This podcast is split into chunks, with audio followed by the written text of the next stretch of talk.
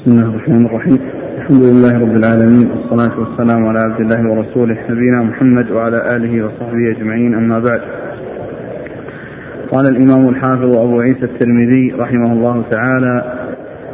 قال في كتاب في الجامع في كتاب الفتن باب قال حدثنا موسى بن عبد الرحمن الكندي الكوفي قال حدثنا زيد بن حباب قال أخبرني موسى بن عبيدة قال حدثني عبد الله بن دينار عن ابن عمر رضي الله عنهما انه قال قال رسول الله صلى الله عليه وعلى اله وسلم اذا مشت امتي بالمطيطياء وخدمها ابناء الملوك ابناء فارس والروم سلط شرارها على خيارها قال ابو عيسى هذا حديث غريب وقد رواه أبو معاوية عن يحيى بن سعيد الأنصاري قال حدثنا بذلك محمد بن إسماعيل الواسطي قال حدثنا أبو معاوية عن يحيى بن سعيد عن عبد الله بن دينار عن ابن عمر رضي الله عنهما عن النبي صلى الله عليه وعلى آله وسلم نحوه ولا يعرف لحديث أبي معاوية عن يحيى بن سعيد عن عبد الله بن دينار عن ابن عمر أصل إنما المعروف حديث موسى بن عبيدة وقد روى مالك بن أنس هذا الحديث عن يحيى بن سعيد مرسلا ولم يذكر فيه عن عبد الله بن دينار عن ابن عمر بسم الله الرحمن الرحيم الحمد لله رب العالمين وصلى الله وسلم وبارك على عبده ورسوله نبينا محمد وعلى اله واصحابه اجمعين. اما بعد فيقول فيقول الامام ابو عيسى الترمذي رحمه الله في الجامعه باب وهي وفي اخر كتاب الفتن ذكر عدة أبواب بدون تراجم وهي لها صلة واضحة بكتاب الفتن من جهة أنها تشتمل على أمور تتعلق بالفتن و وأما الباب الذي هو آخر باب يعني قبل هذه الأبواب فلا يكون فلا يكون ارتباطها به واضحا وإنما الارتباط الواضح هو في كتاب الفتن لأنها تتعلق بالفتن وتتعلق بأمور تحصل مما أخبر به الرسول صلى الله عليه وسلم مما يحصل في أمته في المستقبل قد ورد أبو عيسى حديث عبد الله بن عمر رضي الله عنه عنهما أن النبي صلى الله عليه وسلم قال إذا مشت أمتي بالمطيطة أو المطيطية سلط شرارها على خيارها وخدمتها أبناء الملوك يعني فارس والروم سلط على خيارها على شرارها في شرارها على خيارها والمعنى أن أن أنه إذا وجد يعني في هذه الأمة هذه المشية التي فيها تبختر وفيها تكبر ثم أيضا خدمها أبناء الملوك من الفرس والروم فإن الأشرار في هذه الأمة تسلط على الخيار وقد ذكر الشارح أو نقل الشارح في هذا شرح هذا الحديث أنه لما فتحت آه، بلاد فارس والروم وسبيت يعني ابن آه، آه، ما آه، سبي يعني حصل السبي من الرجال والنساء وحصل استخدام يعني ابناء الملوك وابناء الفرس وابناء الروم سلط الاشرار على الخيار وقال انه لما حصل ذلك يعني خرج اولئك الاشرار الذين خرجوا على عثمان رضي الله تعالى عنه وقتلوه وهو خير الناس بعد ابي بكر وعمر رضي الله تعالى عن عنهم وعن الصحابه اجمعين فيكون يعني هذا الذي اخبر به الرسول صلى الله عليه وسلم وقع وان ان انه بعد افتتاح بلاد الفرس والروم في عهد الفاروق رضي الله عنه وارضاه وأحضرت الغنائم وأحضر السبي وحصلت تقسيم ذلك على يد الفاروق رضي الله عنه وارضاه تحقق مصداق ذلك في عهد عثمان رضي الله عنه حيث سلط الإشرار على الخيار فكان خير الناس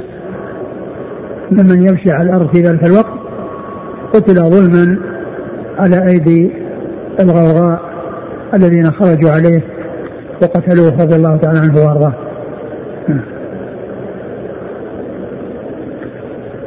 قال حدثنا موسى بن عبد الرحمن الكندي موسى بن عبد الرحمن الكندي صديق اتفاق الى الترمذي والنسائي بن ماجه نعم عن زيد بن حباب وهو صديق اخرج له خارج القراءة ومسلم واصحاب السنن عن موسى بن عبيده بن عبيده الربذي وهو وهو ضعيف اخرج له الترمذي وابن ماجه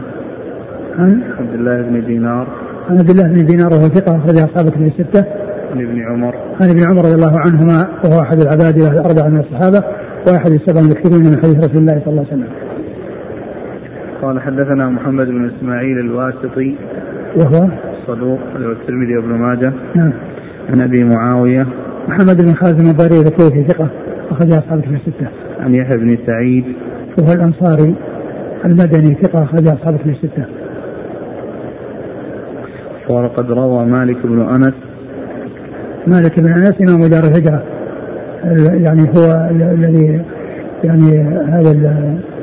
الذي مر يروي عن مالك قال حدثنا بذلك سبق حدثنا محمد حدثنا بذلك محمد بن اسماعيل عن ابي معاويه عن يحيى بن سعيد عن عبد الله بن دينار بن عمر نعم. لكن هنا قال وروى مالك هذا نعم. الحديث عن يحيى بن سعيد مرسلا هذا الطريق الثاني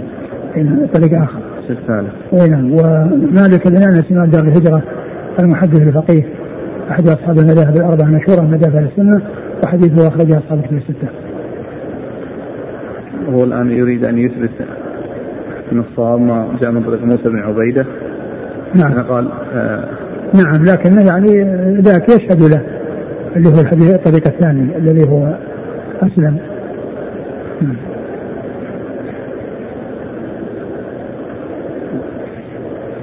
قال رحمه الله تعالى باب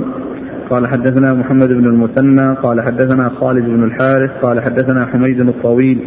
عن الحسن عن ابي بكره رضي الله عنه قال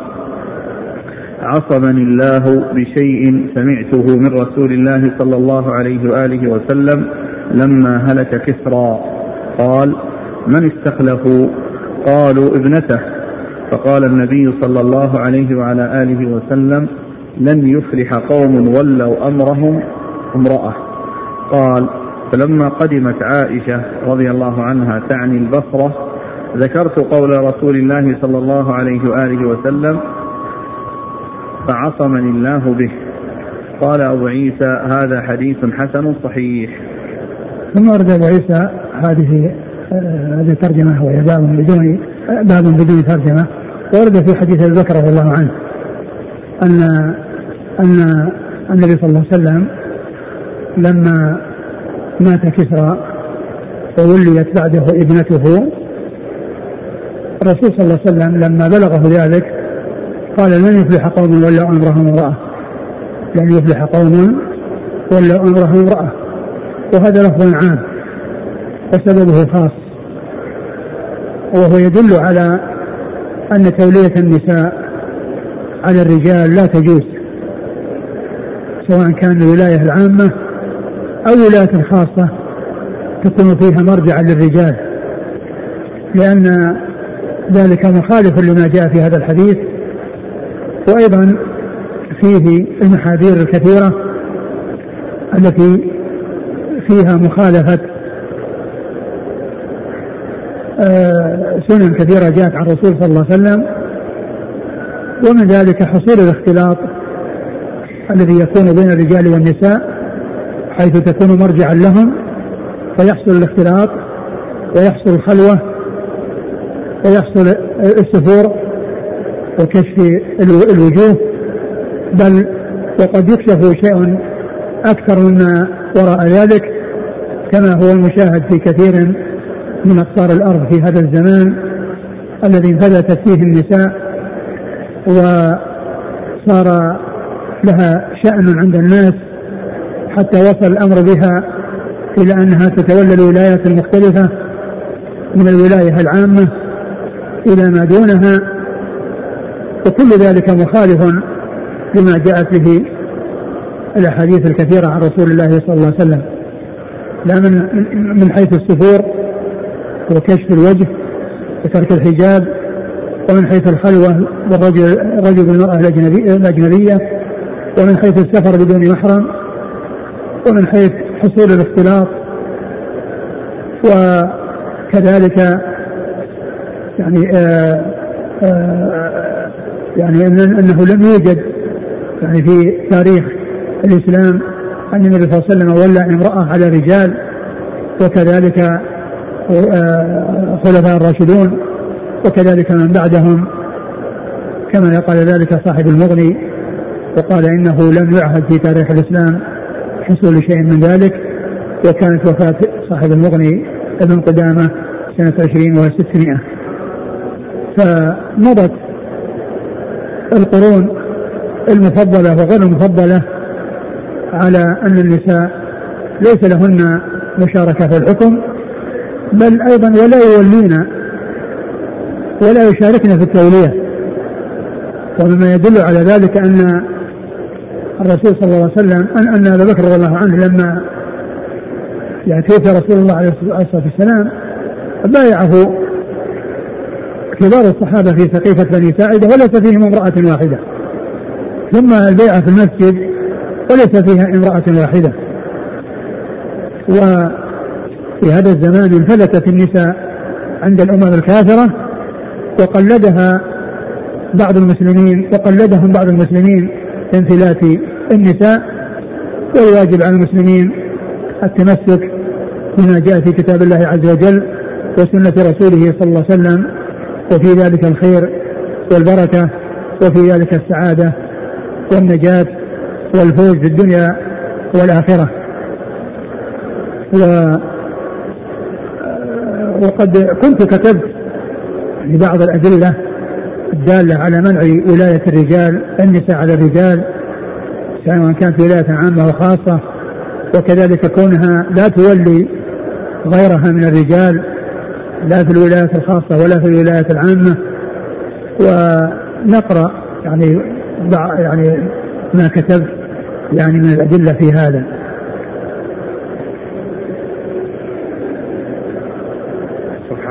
نعم صفحة 50 56 دلت صفات الفارس ليس للنساء الولاية نعم، هذا بسم الله الرحمن الرحيم قال شيخنا في كتابه العدل في شريعة الإسلام وليس في الديمقراطية المزعومة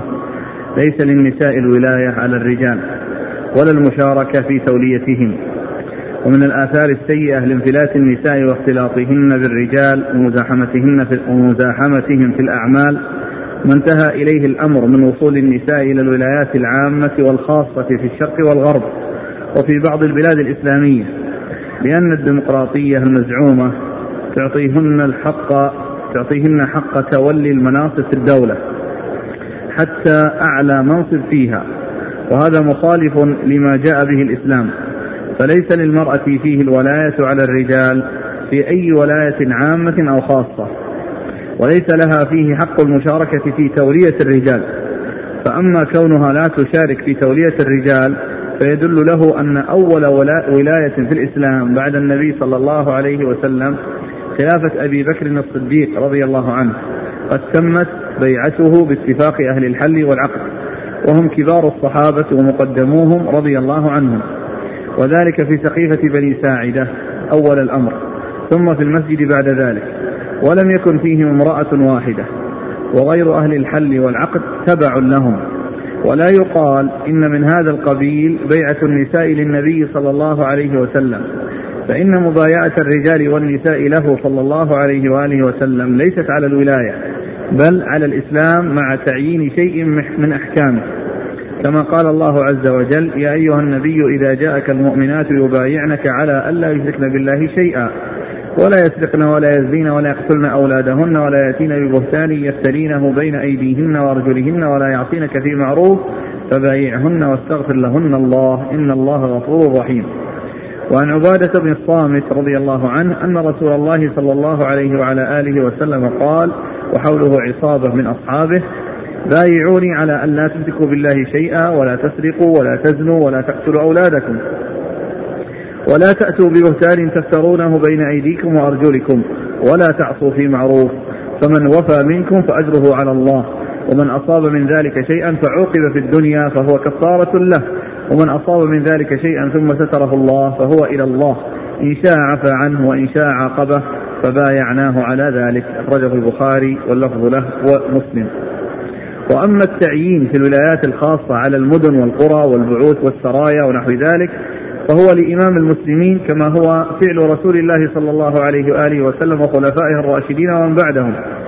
وأما كون المرأة ليس لها حق الولاية العامة وما دونها من الولايات على الرجال فيدل لذلك أدلة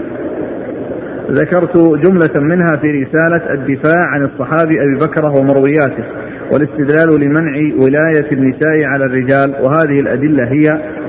الأول قول الله عز وجل وما أرسلنا من قبلك إلا رجالا نوحي إليهم من أهل القرى وقوله الرجال قوامون على النساء بما فضل الله بعضهم على بعض وبما أنفقوا من أموالهم وقوله وللرجال عليهن درجة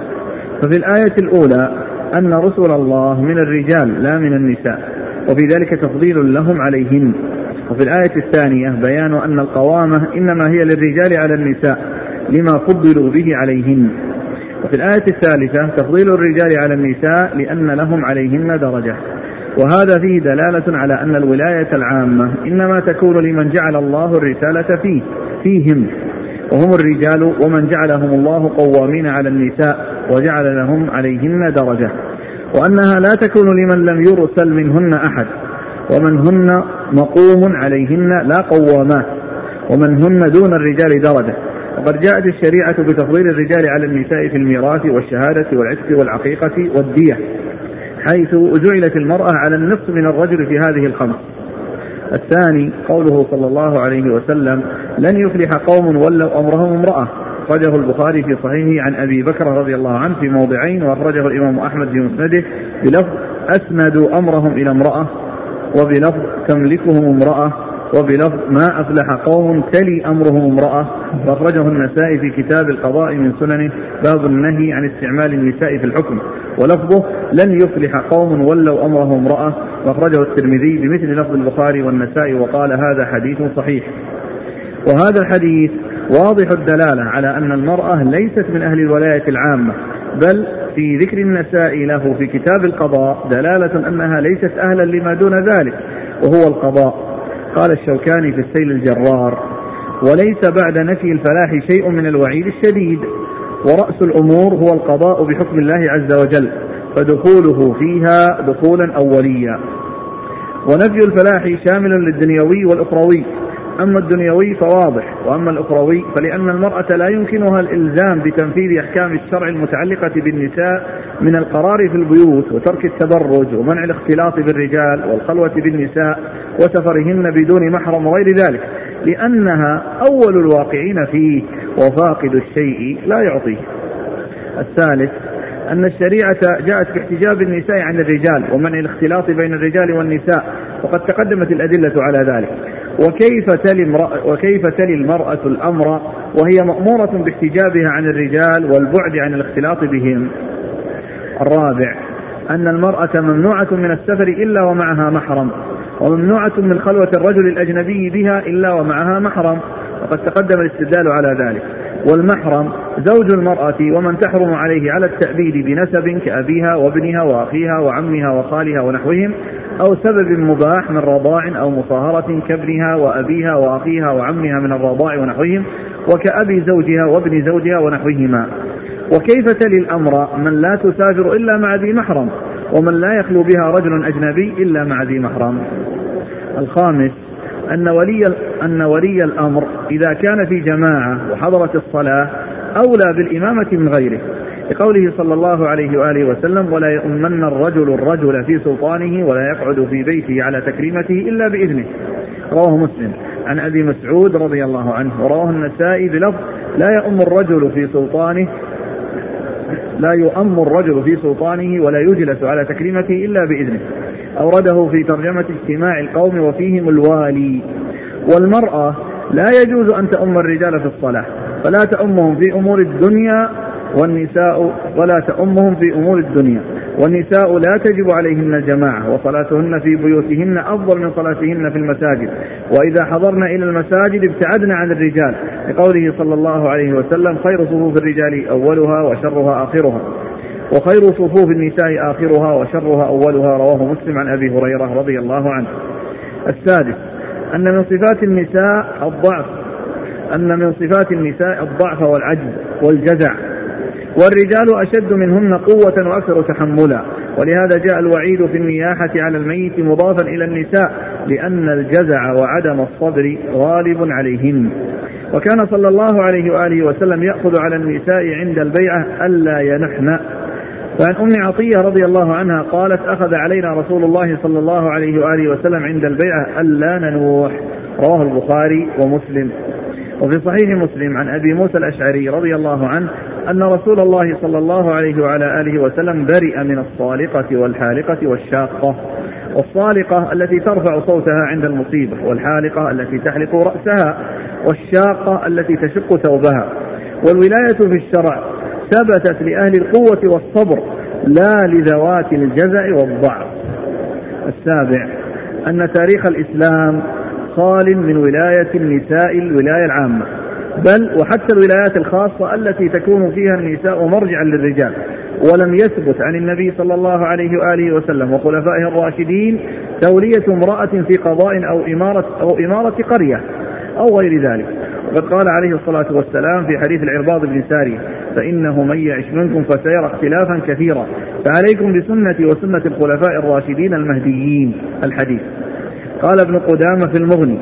ولا تصلح للإمامة العظمى ولا لتولية البلدان ولهذا لم يولي النبي صلى الله عليه وآله وسلم ولا أحد من خلفائه ولا من بعدهم رأة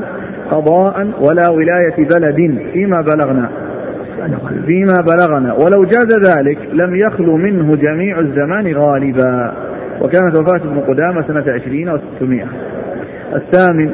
أن الأمة مجمعة على أن المرأة لا تتولى الولاية العامة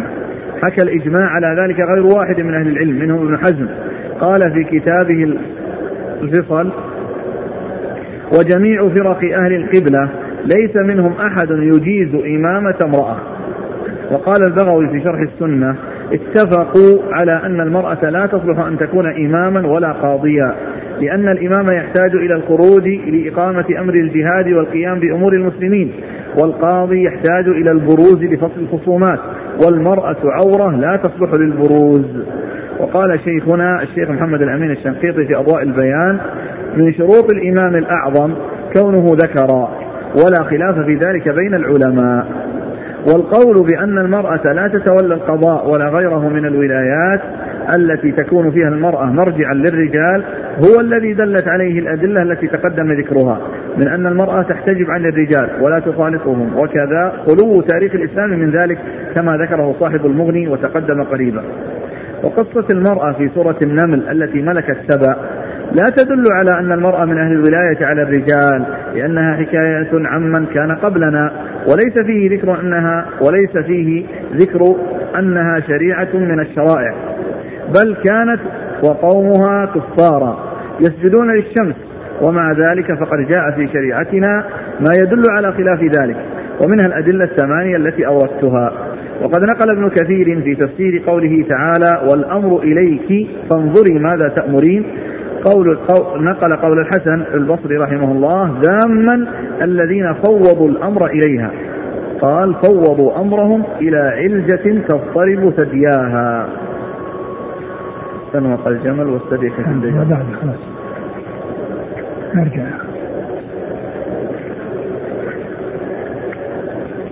لا ولا اقرأ اقرأ اقرأ إيه،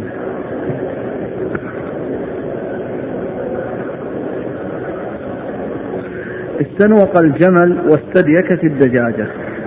هذا مثل يضرب لنزول الرجال عن أقدارهم في تشبههم بالنساء وارتفاع النساء عن منازلهن إلى التشبه بالرجال وكل من الأمرين مذموم ولكنه أشد في حق الرجال كما قال الشاعر وما عجب أن النساء ترجلت ولكن تأنيث الرجال عجاب وذلك لأن النساء في ترجلهن يطلبن رفعة ومذمومة والرجال يهبطون بتأنسهم من علو إلى سفل فهو أشد ذما وأسوأ أو حظا يتضح ذلك بتسلط النساء على الرجال في الولايات أو تسليطهن عليهم من قبلهم في البلاد الكافرة ومن اقتدى بهم من المسلمين فيقف الرجل الذي جعل الله له القوامة على النساء أمام المرأة المتسلطة أو المسلطة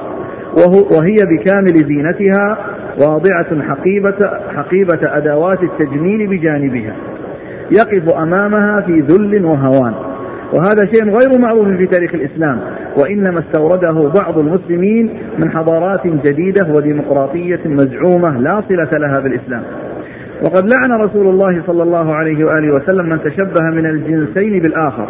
ففي صحيح البخاري عن ابن عباس رضي الله عنهما قال لعن رسول الله صلى الله عليه وآله وسلم المتشبهين من الرجال بالنساء والمتشبهات من النساء بالرجال وقد حصل في هذا الزمان ما لم يحصل في الجاهلية الأولى من تبرج النساء حتى وصل ذلك في كثير من بلاد المسلمين إلى إخراج بعض النساء في الأسواق والطرقات رؤوسهن ونحورهن وأذرعهن وأعضادهن وسوقهن وبعض أفخاذهن وفي مقابل ذلك أسبل الرجال ثيابهم حتى غطوا كعابهم وقد قال صلى الله عليه وسلم ما أسفل من الكعبين من الإزار في النار رواه البخاري وفي صحيح مسلم عن أبي ذر رضي الله عنه عن النبي صلى الله عليه وآله وسلم أنه قال ثلاثة لا يكلمهم الله يوم القيامة ولا ينظر إليهم ولا يزكيهم ولهم عذاب أليم قال فقرأها رسول الله صلى الله عليه وآله وسلم ثلاث مرات قال أبو ذر خابوا وخسروا من هم يا رسول الله قال المسبل والمنان والمنفق سلعته بالحلف الكاذب فهذا الصنف من الرجال نهوا عن الإسبال فأسبلوا وذاك الصنف من النساء أمرن بالحجاب وتغطية أقدامهن فخالفن وأظهرن كثيرا من زينتهن وقال صلى الله عليه وآله وسلم ثلاثة لا يدخلون الجنة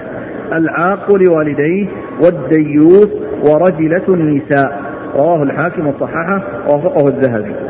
والمرأة التي تمكن من الولايات العظمى أو من أو ما دونها من الولايات على الرجال من أهل هذا الوعيد في هذا الحديث وفي تولية النساء على الرجال وذل الرجال أمام النساء اختلال للموازين وقلب للحقائق وتقديم للحرف على الحارث والمقوم عليه على القوام فأصبح المؤخر مقدما والمقدم مؤخرا والتابع مسبوعا والمتبوع تابعا والله المستعان قال الشاعر كما في معجم الأدباء لياقوت الحموي قد قدم العجب على الرويس وشارف الوهد أبا قبيس وطاول البقل فروع الميس وهبت العنز لقرع التيس وادعت الروم أبا وادعت الروم أبا في قيس واختلط الناس اختلاط الحيس إذا قرى القاضي حليف الكيس معاني الشعر على العبيس السعادة في نور الوحي والشقاء والظلام فيما سواه أرسل الله رسوله محمدا صلى الله عليه وسلم بالهدى ودين الحق ليظهره على الدين كله فدل أمته على كل خير وحذرها من كل شر وتركها على بيضاء ليلها كنهارها لا يزيغ عنها إلا هالك ووصف الله وحيه إلى نبيه صلى الله عليه وسلم بالنور وبين أن هذا النور هو مصدر هدايتهم وسبيل عزهم وسعادتهم في دنياهم وأخراهم وآخرتهم قال الله عز وجل فآمنوا بالله ورسوله والنور الذي أنزلنا وقال يا أيها الناس قد جاءكم برهان من ربكم وأنزلنا إليكم نورا مبينا فأما الذين آمنوا بالله واعتصموا به فسيدخلهم في رحمة منه وفضل ويهديهم إليه صراطا مستقيما وقال قد جاءكم من الله نور وكتاب مبين يهدي به الله من اتبع رضوانه سبل السلام ويخرجهم من الظلمات إلى النور بإذنه ويهديهم إلى صراط مستقيم وقال يهدي الله لنوره من يشاء وقال وكذلك أوحينا إليك روحا من أمرنا ما كنت تدري ما الكتاب ولا الإيمان ولكن جعلناه نورا نهدي به من نشاء من عبادنا وإنك لتهدي إلى صراط مستقيم وقال هو الذي ينزل على عبده آيات بينات ليخرجكم من الظلمات إلى النور وإن الله بكم لرؤوف رحيم وقال ألف لام را كتاب أنزلناه إليك لتخرج الناس من الظلمات إلى النور بإذن ربهم إلى صراط العزيز الحميد وقال فاتقوا الله يا أولي الألباب الذين آمنوا قد أنزل الله إليكم ذكرا رسولا يتلو عليكم آيات الله مبينات ليخرج الذين آمنوا وعملوا الصالحات من الظلمات إلى النور وقال فالذين آمنوا به وعزروه ونصروه واتبعوا النور الذي أنزل معه أولئك هم المفلحون وأخبر الله تعالى أن من لم يهتدي بهذا النور الذي أنزله على رسوله صلى الله عليه وآله وسلم فهو في ظلام وشقاء وخسران قال, قال الله عز وجل أو من كان ميتا فأحييناه وجعلنا له نورا يمشي به في الناس كمن مثله في الظلمات ليس بخارج منها وقال الله ولي الذين آمنوا يخرجهم من الظلمات إلى النور والذين كفروا أولياءهم الطاغوت يخرجونهم من النور إلى الظلمات أولئك أصحاب النار هم فيها خالدون وقال أفمن شرح الله صدره للإسلام فهو على نور من ربه فويل للقاسية قلوبهم من ذكر الله أولئك في ضلال مبين وقال قل هل يستوي الأعمى والبصير أم هل, يس أم هل تستوي الظلمات والنور وقال وما يستوي الأعمى والبصير ولا الظلمات ولا النور وقال ومن لم يجعل الله له نورا فما له من نور وإنه لمن المؤسف أن الكثيرين من المسلمين في هذا الزمان زهدوا في نور ربهم الذي فيه سعادتهم وفلاحهم واعتاضوا عنه ظلام أعدائهم في أحوالهم الاجتماعية والتربوية والتعليمية والاقتصادية والسياسية وغير ذلك فآل أمرهم إلى أن يكونوا, إلى أن يكونوا في ذل وهوان أمام أعدائهم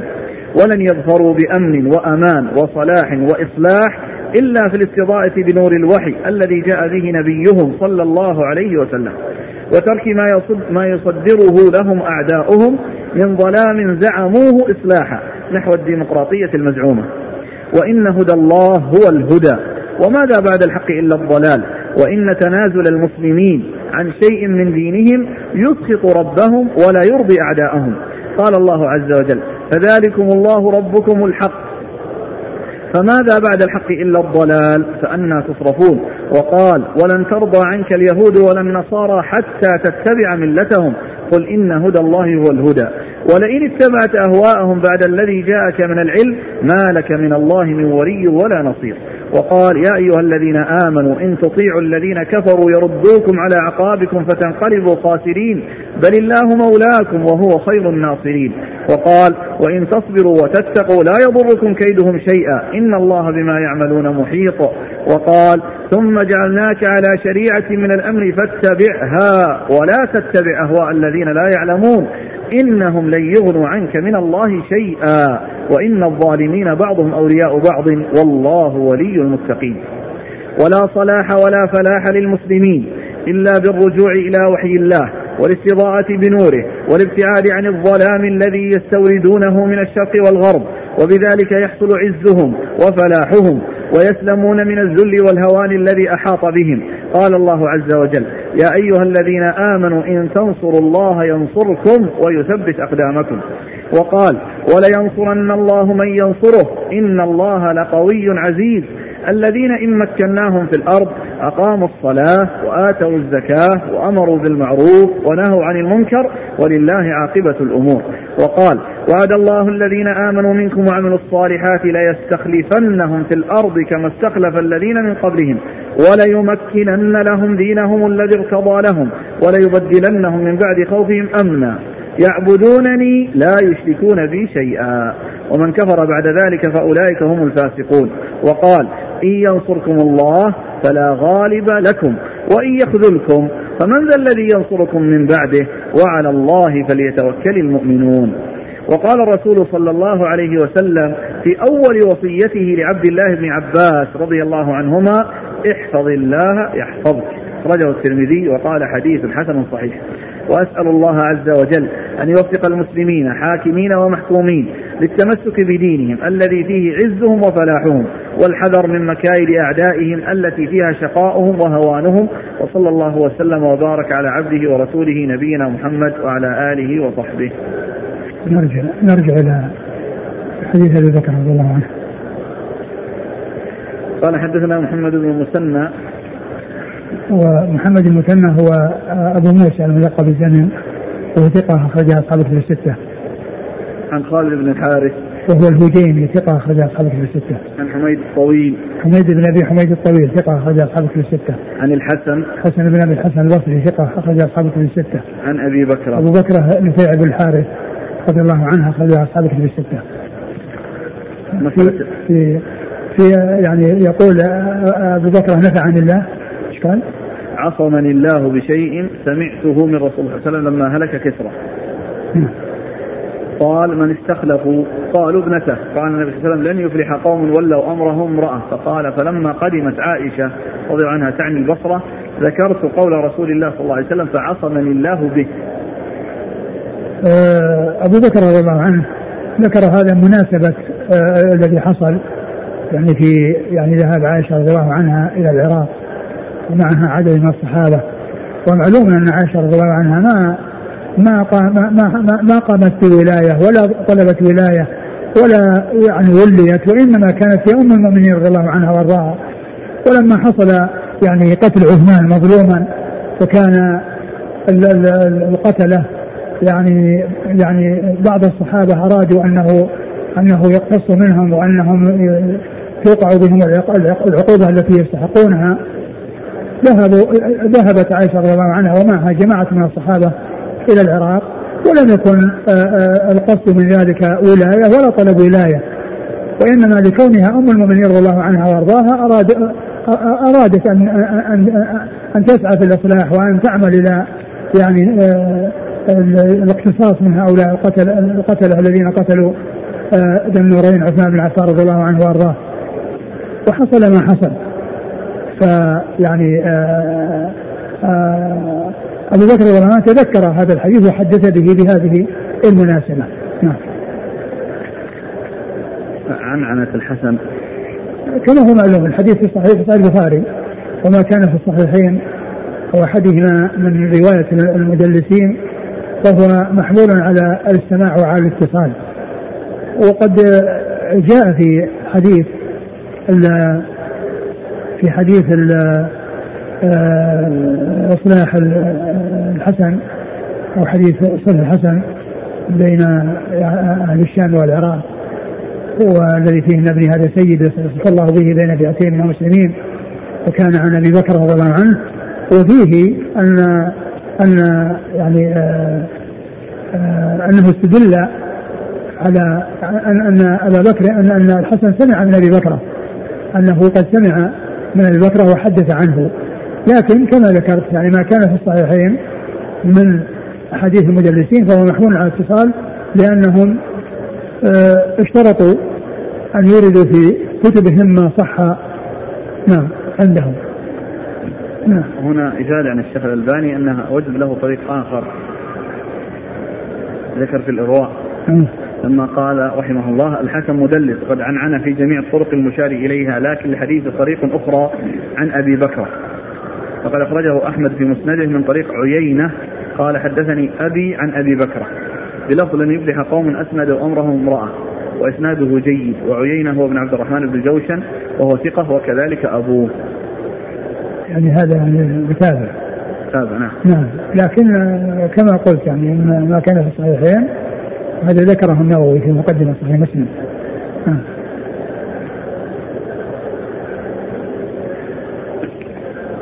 أسئلة كثيرة حول السمع والطاعة تأمرت وابتلي بها الناس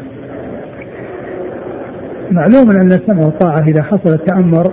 والتسلط يعني وليس لهم قدرة على التخلص منها أنهم يصبرون بل يعني آه يعني الكافر نفسه إذا إذا تولى وتسلط على الناس وهم لا قدرة لهم على التخلص منه فإن عليهم أن يصبروا ويعني يأتون بما هو سائغ وإذا أمروا بما هو معروف أتوا به وإذا أمروا بما هو منكر امتنعوا منه سواء كان المتسلط عليهم يعني كافرا أو امرأة أو يعني يعني يعني غير ذلك فالمتسلط الذي لا يستطيع التخلص منه حتى العبد يعني الذي لا ليس من اهل الولايه لو تسلط فانه يسمع له ويطاع وإذا كانت قاضية تنفذ أحكامها صحة بعض أهل العلم يعني يقول أنها يعني إذا إذا إذا إذا, إذا قضت فإنه ينفذ حكمها ولكن يعني الجمهور على أنها لا, لا, لا ليس لها القضاء ولا تنفذ أحكامها القول هذا مشكل نعم. إذا ما نفذ الحكم يعني, يعني, يعني سائل يقول عندنا كثير من محاكم القضاة فيها امرأة هي تقضي بين الناس كيف نعمل؟ كما هو معلوم يعني يعني الناس يعني المرأة يعني وليت وليست أهل الولاية والذي ولاها وراء تنفيذ حكمها هو نفسه وراء تنفيذ حكمها يعني معناه أنه يلزم بتنفيذ حكمها والناس يعني كما هو معلوم ليس ليس أمامهم ما دام لا يستطيعون لا يستطيعون إلا الشيء الذي يحصل لهم ويعني يلزمون به لا لا يمكنهم شيء اكثر من هذا قال رحمه الله تعالى باب قال حدثنا قتيبة قال حدثنا عبد العزيز بن محمد عن العلاء بن عبد الرحمن عن أبيه عن أبي هريرة رضي الله عنه أن رسول الله صلى الله عليه وآله وسلم وقف على أناس جلوس فقال ألا أخبركم بخيركم من شركم قال فسكتوا فقال ذلك ثلاث مرات فقال رجل بلى يا رسول الله أخبرنا بخيرنا من شرنا قال خيركم من يرجى خيره ويؤمن شره وشركم من لا يرجى خيره ولا يؤمن شره قال أبو عيسى هذا حديث حسن صحيح ثم ورد أبو عيسى حديث أبي هريرة رضي الله عنه أن مثلا مر على أناس جلوس وقال ألا أخبركم بخيركم من شركم فسكتوا حتى كرر ذلك ثلاث مرات وكأنهم يعني خشوا ان يعني يكون بالتأييد يعني قال فلان وفلان وفلان من هؤلاء الموجودين ولهذا سكت وكرر ذلك عليهم ثلاث مرات الرسول صلى الله عليه وسلم يعني بين لهم بالوصف وان خيرهم وكذلك غيرهم يعني هم غيرهم الحكم عام يعني من يرجى خيره ويؤمن شره من يرجى خيره ويؤمن شره هذا خيركم وخير يعني من سواه وخير الاخرين سواهم فإذا آه، يعني هم خشوا أن يكون التعيين وبيان من هو خير ومن هو شر بالأسماء يعني فإن كان فلان كذا وفلان كذا وفلان كذا فلما كرر ذلك قال أحدهم نعم أخبرنا الرسول أتى بكلام عام لهم ولغيرهم قال خيركم من يرجى خيره ويؤمن شره وشركم من لا يرجى خيره ولا يؤمن شره وفي هذا الحديث الجمع بين آه، لفظ الخير التي هي بمعنى التفضيل والخير الذي هو واحد الخيور الذي هو ضد الشر لأن الخير يأتي بمعنى أفعل التفضيل كما يقول خيركم يعني أخيركم خيركم من تعلم القرآن وعلمه يعني أخيركم أفعل تفضيل وتأتي بمعنى الخير المقابل للشر فمن يعمل مثقال ذرة خيرا يره فمن يعمل مثقال ذرة خيرا يره فقوله خيركم هذه يفعل تفضيل خير بمعنى افعل تفضيل يرجى خيره هذه مقابل الشر الذي هو احد الفروع فيكون في هذا الحديث الجمع بين خير التي هي واحد الخيور والتي هي خير في مقابل الشر اسم في مقابل الشر والخير الذي هو افعل تفضيل الذي هو افعل تفضيل خيركم يعني يعني افضلكم وأخيركم من يكون كذا وكذا فهذا الحديث فيه الجمع بين هذين بين في هذا اللفظ بين المعنى بمعنييه إيه؟ اللفظ بمعنييه إيه؟ الذي هو افعل تفضيل والذي هو واحد الخير ومثل ذلك في القران قول الله عز وجل يا ايها النبي قل لمن في ايديكم من الاسرى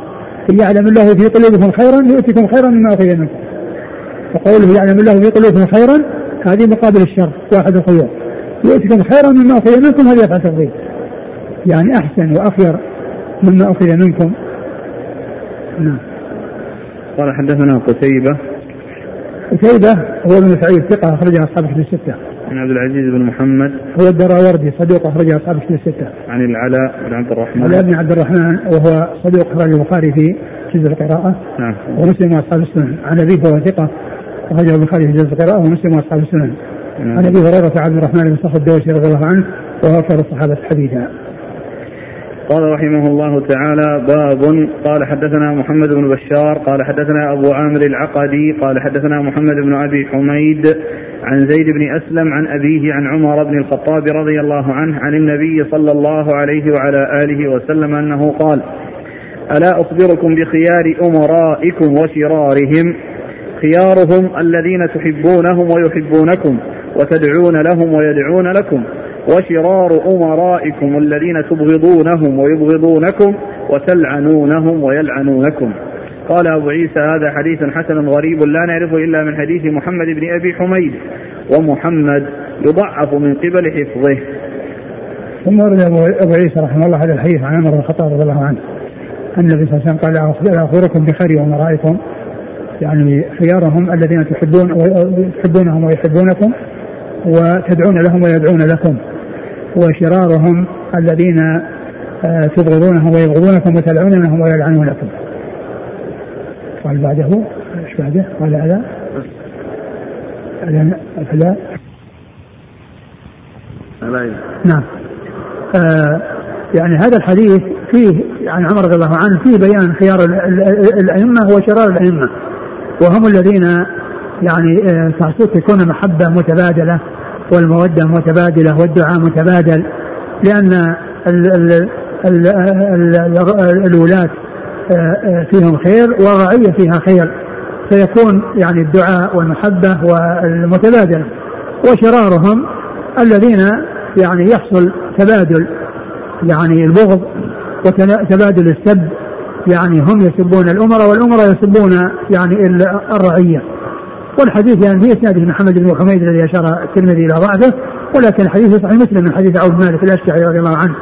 يعني وهو بهذا اللفظ شراء امتكم الذي تحبونهم ويحبونكم وتصلون عليهم ويصلون عليكم وتدعون لهم وشراء امتكم الذي تبغضونه ويبغضونكم وتلعنونهم ويلعنكم قالوا وفلان ننابذهم بالشيخ قال لا قال لا ما صلوا او لا ما اقاموا فيكم الصلاه فالحديث يعني وان كان في اسناده يعني ذلك الرجل الذي فيه ضعف الا انه ثابت من حديث يعني آه، عوف بن مالك رضي الله عنه في صحيح مسلم نعم قال حدثنا محمد بن بشار هو الملقب بن دار ثقة أخرج أصحابه في الستة وهو شيخ لاصحابه في الستة عن أبي عامر العقدي وهو ثقة أخرج له أصحاب كتب عن محمد بن أبي حميد وهو ضعيف أخرجه الترمذي ابن ماجه نعم عن زيد بن أسلم وهو ثقة أخرج أصحابه في الستة عن أبيه وهو ثقة أخرج أصحابه في الستة عن عمر عن عمر الخطاب رضي الله عنه أمير المؤمنين وثاني الخلفاء الراشدين الهاديين المهديين صاحب المناقب الجمة والفضائل الكثيرة رضي الله عنه وأرضاه وحديثه عند أصحاب الكتب الستة. يقول الأخ هل في الحديث جواز لعن الأمراء والدعاء عليهم؟ الدعاء اللعن لا يجوز لا يجوز لعن المعين ولكن المقصود هنا السب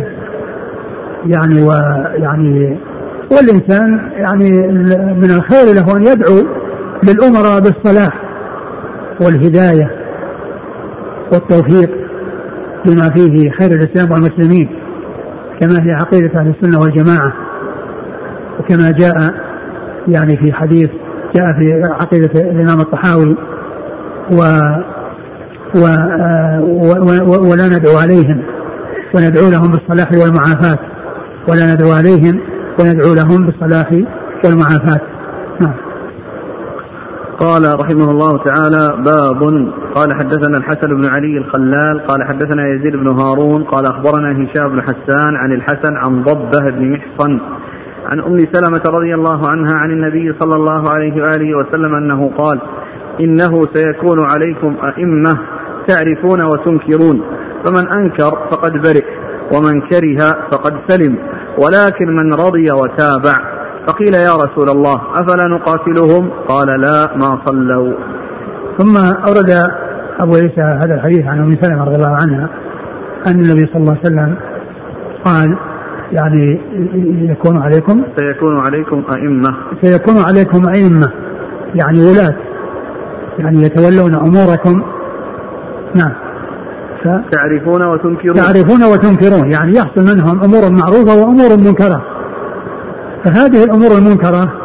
الناس ينقسمون فيها إلى ثلاثة أقسام منهم من من آه يعني من يكره منهم أول من كره أنكر منهم من أنكر يعني ينكر بلسانه يعني هذا الأمر المنكر ومنهم وهذا يعني آه قد برئ ويعني آه خرج من العهدة بقيامه بالنصر وسواء قبل منه أو لم يقبل كونه نصح وأدى ما عليه من النصيحة وبين أن هذا منكر فإنه أدى ما عليه وخرج من العهدة و والقسم الثاني من لا يستطيع أن يعني ينكر ولكنه كره بقلبه كره بقلبه وتأثر لحصول الأمر المنكر وهو لا يستطيع الذي يستطيعه الأول من النصح فهذا أيضا سلم يعني حصل له السلامة من تبعة يعني الرضا بالمنكر او السكوت عن المنكر المنكر لانه انكر بقلبه ولا يستطيع اكثر من ذلك ولكن من رضي وتابع الذي رضي منهم بهذا المنكر وتابعهم على منكرهم ويعني ايدهم وحبذ لهم ويعني آه، آه، تابعهم على ذلك فهذا هو الذي يحصل الاثم ويحصل العقوبه عند الله عز وجل نعم قال حدثنا الحسن بن علي الخلال نعم، قال قال نعم بعد افلا نقاتلهم افلا نقاتلهم يعني اذا كانوا كذلك قال لا ما صلوا وهذا يدل على ان الصلاه شانها عظيم في الاسلام وان ترك الصلاه كفر وهذا يستدل به على على كفر تارك الصلاه لانه يعني يعني يعني منع من الخروج عليهم اذا كانوا يصلون فمعناه اذا كانوا لا يصلون وكانوا تاركين للصلاه فإنه يجوز الخروج عليهم لأنه قيد ذلك بقوله لا ما صلوا يعني فإذا كانوا مصلين ومن أهل الصلاة فإنهم مسلمين مسلمون ولا يجوز الخروج عن المسلم وأما إذا يعني لم يكونوا من المصلين فإنهم يكونون بذلك كفارا والخروج على الكافر لا يكون إلا إذا عرف أن الخروج لا يترتب عليه مصلحة وفيه ثمرة وفائدة أما إذا كان خروج يترتب عليه إفناء الخارجين لضعفهم ولقوة المتسلط الكافر فإن هذا ليس من الحكمة وليس من المصلحة في شيء ليس من الحكمة وليس من المصلحة في شيء يعني معناه أنه يجوز الخروج على الكافر والرسول صلى الله عليه وسلم قال لا من صلى يعني معناه إذا كانوا لا يصلون وأنهم يعني ليس من الصلاة فإنه يجوز الخروج عليهم ولكن الخروج على من يكون كافرا فيما إذا عرف أن هناك ثمرة وفائدة تترتب على الخروج أما إذا كان الخارج ضعيفا والمخروج عليه قويا متمكنا ولا يحصل من وراء ذلك الخروج إلا إثناء الخارجين والقضاء عليهم وبقاء الكافر في مكانه فهذا ليس من حكمة والنص في شيء نعم. قال حدثنا الحسن بن علي الخلال هو الحلواني ثقة أخرج أصحاب كتب الستة إلا النسائي. عن يزيد بن هارون هو الواسطي وهو ثقة أخرج أصحاب كتب الستة. عن هشام بن حسان وهو ثقة أخرج أصحاب كتب الستة. عن الحسن الحسن بن الحسن البصري مرة ذكره. عن ضبه بن محصن العنزي وهو صدوق إلى مسلم وداوود الترمذي. نعم. عن أم سلمة عن أم سلمة هند بنت أبي أمية أم المؤمنين رضي الله عنها وأرضاها وحديثها أخرجه أصحاب كتب الستة. قال حدثنا أحمد بن سعيد الأشقر قال حدثنا يونس بن محمد وهاش بن القاسم قال حدثنا صالح المري عن سعيد الجريري عن أبي عثمان النهدي عن أبي هريرة رضي الله عنه أنه قال قال رسول الله صلى الله عليه وعلى آله وسلم إذا كان أمراؤكم خياركم وأغنياؤكم سمحاءكم وأموركم شورى بينكم فظهر الأرض خير لكم من باطنها وإذا كان أمراؤكم شراركم وأغنياؤكم بخلاءكم وأموركم إلى نسائكم فبطن الأرض خير لكم من ظهرها قال أبو عيسى هذا حديث غريب لا نعرفه إلا من حديث صالح المري وصالح المري في حديثه غرائب ينفرد بها لا يتابع عليها وهو رجل صالح ثم أورد أبو عيسى هذا الحديث عن عن الصحابي أبي هريرة عن أبي هريرة رضي الله عنه أن النبي صلى الله عليه وسلم قال إذا كان إذا كان أمراؤكم خياركم إذا كان أمراؤكم خياركم إذا كان أمراؤكم خياركم وأغنياءكم سمحاءكم وأموركم شورى وأموركم شورى بينكم فظهر الأرض يعني فوق الأرض خير لكم ظهر يعني عن الحياة خير من الموت لأن الحي يكون على ظهر الأرض يعني فحياتكم يعني فيها خير واذا كان العكس فبطن الارض خير من ظهرها يعني الموت يعني كونكم يعني في القبور وكونكم في يعني آه، مقبورين ليس في جوف الارض لستم على ظهرها يعني خير لكم لان يعني لحصول هذه الفتن ولهذه الشرور التي هي كون الامراء هم الاشرار آه، والاغنياء بخلاء والامر الى النساء والحديث في اسناده صالح المري هذا الذي ذكر الترمذي رحمه الله ضعفه وهو ضعيف به نعم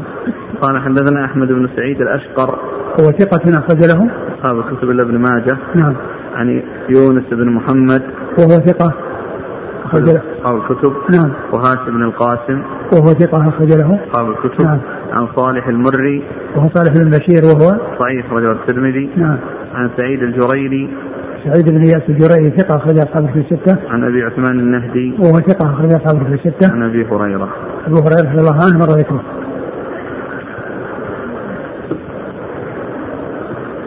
قال رحمه الله تعالى باب قال حدثنا ابراهيم بن يعقوب الجوزجاني قال حدثنا نعيم بن حماد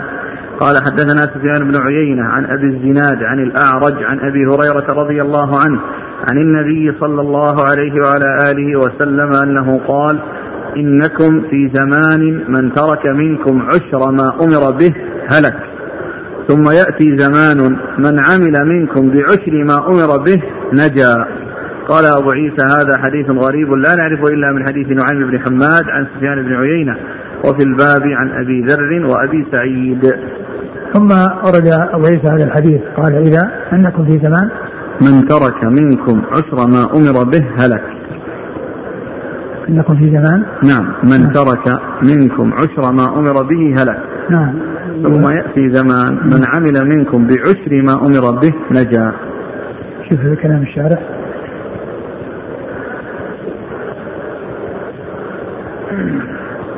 يقول إنكم أيها الصحابة في زمان متصف بالأمن وعز الإسلام من ترك منكم أي فيه وهو الرابط لجملة الشرط موصوفها وهو زمان عشر ما أمر به من الأمر بالمعروف والنهي عن المنكر هلك أي وقع في الهلاك لأن الدين عزيز وفي أنصاره كثرة فالترك تقصير فلا عذر ثم يأتي زمان يضعف فيه الإسلام ويكثر الظلم ويعم الفسق ويقل أنصار الدين وحينئذ من عمل منهم أي من أهل ذلك الزمان بعشر ما أمر به نجا لأنه المقدور لا يكلف الله نفسا إلا وسعها نعم يعني الفرق بين العزة و يعني والضعف العزة يعني الشيء القليل إذا يعني ترك فإنه يؤثر يعني آه، وأما في حال الضعف وفي حال الفتن وفي حال الشرور فإن يعني كل إنسان يعني يأتي بما يقدر عليه ولو كان يسيرا فإنه يعني يحصل به النجاة وتحصل به السلامة نعم. قال حدثنا ابراهيم بن يعقوب الجوزجاني وهو ثقه اخرج له ابو داوود الترمذي والنسائي نعم عن نعيم بن حماد وهو صدوق يخطئ كثيرا نعم وله البخاري ومسلم في المقدمه وابو داوود والترمذي وابن ماجه نعم عن سفيان بن عيينه عن ابي الزناد وسفيان بن عيينه ثقه اخرج اصحابه في السته وابو الزناد هو عبد الله بن ذكوان آه، لقبه ابو الزناد وكنيته ابو عبد الرحمن واشتهر يعني بهذا باللقب الذي هو على صيغه الكنيه وهو ثقه اخرج اصحاب في السته. من الاعرج والاعرج ابو عبد الرحمن بن هرمز المدني وهو ثقه قد اشتهر بلقبه الاعرج اخرج اصحاب في السته عن ابي هريره رضي الله عنه. وفي الباب عن ابي ذر وابي سعيد. ابو ذر جندل بن جناده اخرج اصحابه في السته وابو سعيد الخدري سعد بن مالك بن سنان وهو من اكثر روايه عن رسول الله صلى الله عليه وسلم. قال حدثنا عبد بن حميد قال حدثنا عبد الرزاق قال اخبرنا معمر عن الزهري عن سالم عن ابن عمر رضي الله عنهما انه قال قام رسول الله صلى الله عليه واله وسلم على المنبر فقال ها هنا ارض الفتن واشار الى المشرق يعني حيث يطلع جذل الشيطان او قال قرن الشيطان قال هذا حديث حسن صحيح ثم ورد أبو عيسى حديث ابن عمر رضي الله تعالى عنهما وهو قد ورد حديث كثيرة بمعناه لأن الفتن انها تأتي من المشرق وقد سبق أن مر بنا قريبا حديث لا فيها لأن يعني آه، الكفر أو يعني شدة الكفر من المشرق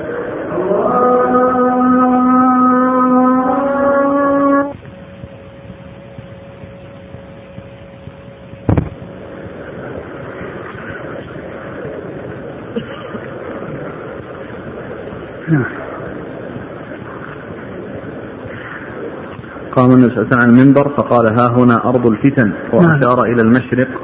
يعني حيث يطلع جيزل الشيطان أو قال قرن الشيطان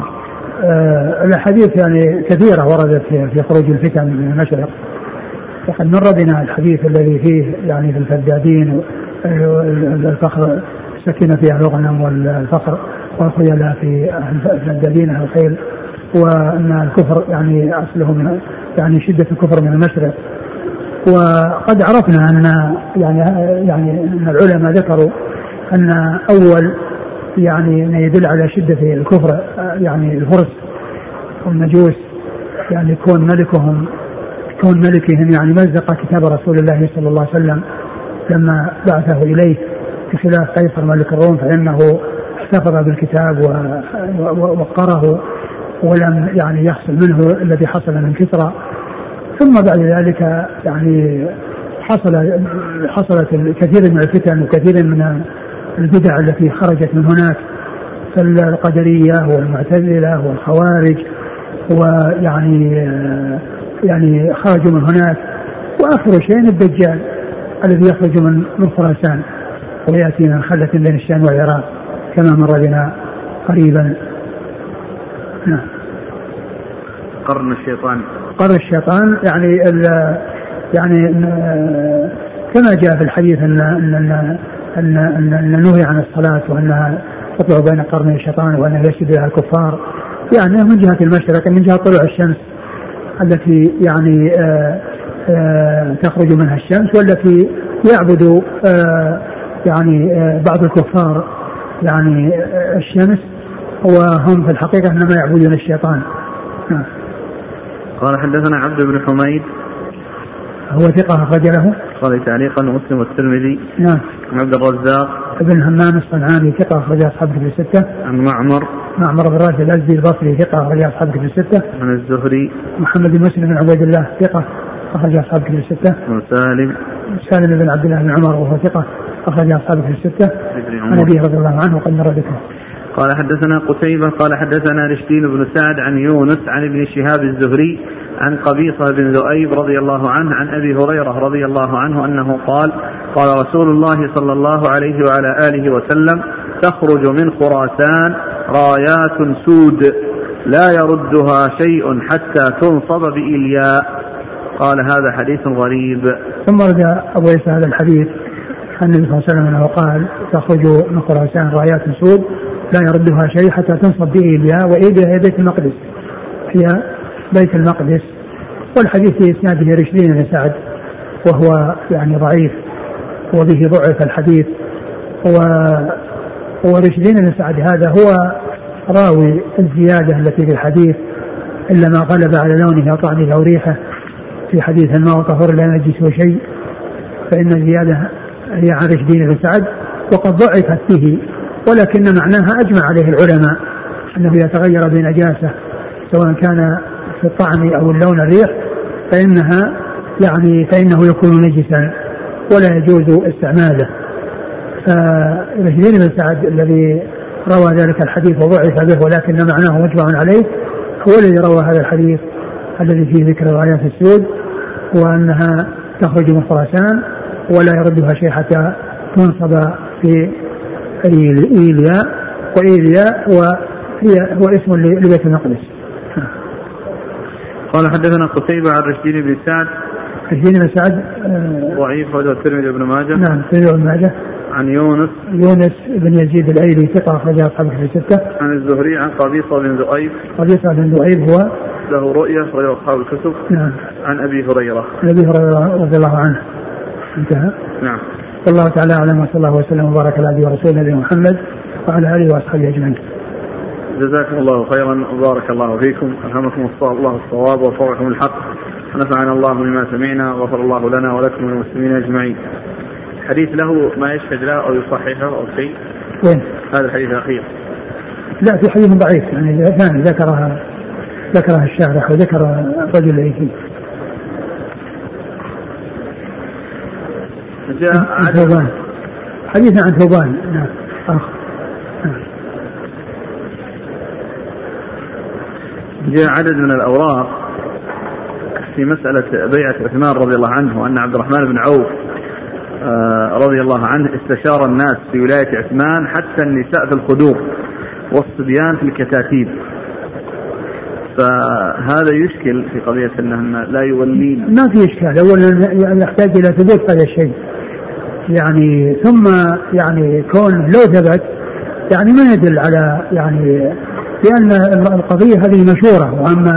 كونه يعني آه، آه، آه، تحضر النساء مع الرجال ويكون لها رأي في تولية الرجال هذا مثل ما ذكر العلماء أنه تاريخ الإسلام خال منه تاريخ الإسلام خال منه طب كذلك فيه شبهة وقضية أن هناك من دول الكفر من يتولاها نساء ومع ذلك ازدهرت تلك الدول حضاريا والنبي صلى الله عليه وسلم قد نفى الفلاح هو لا شك الفلاح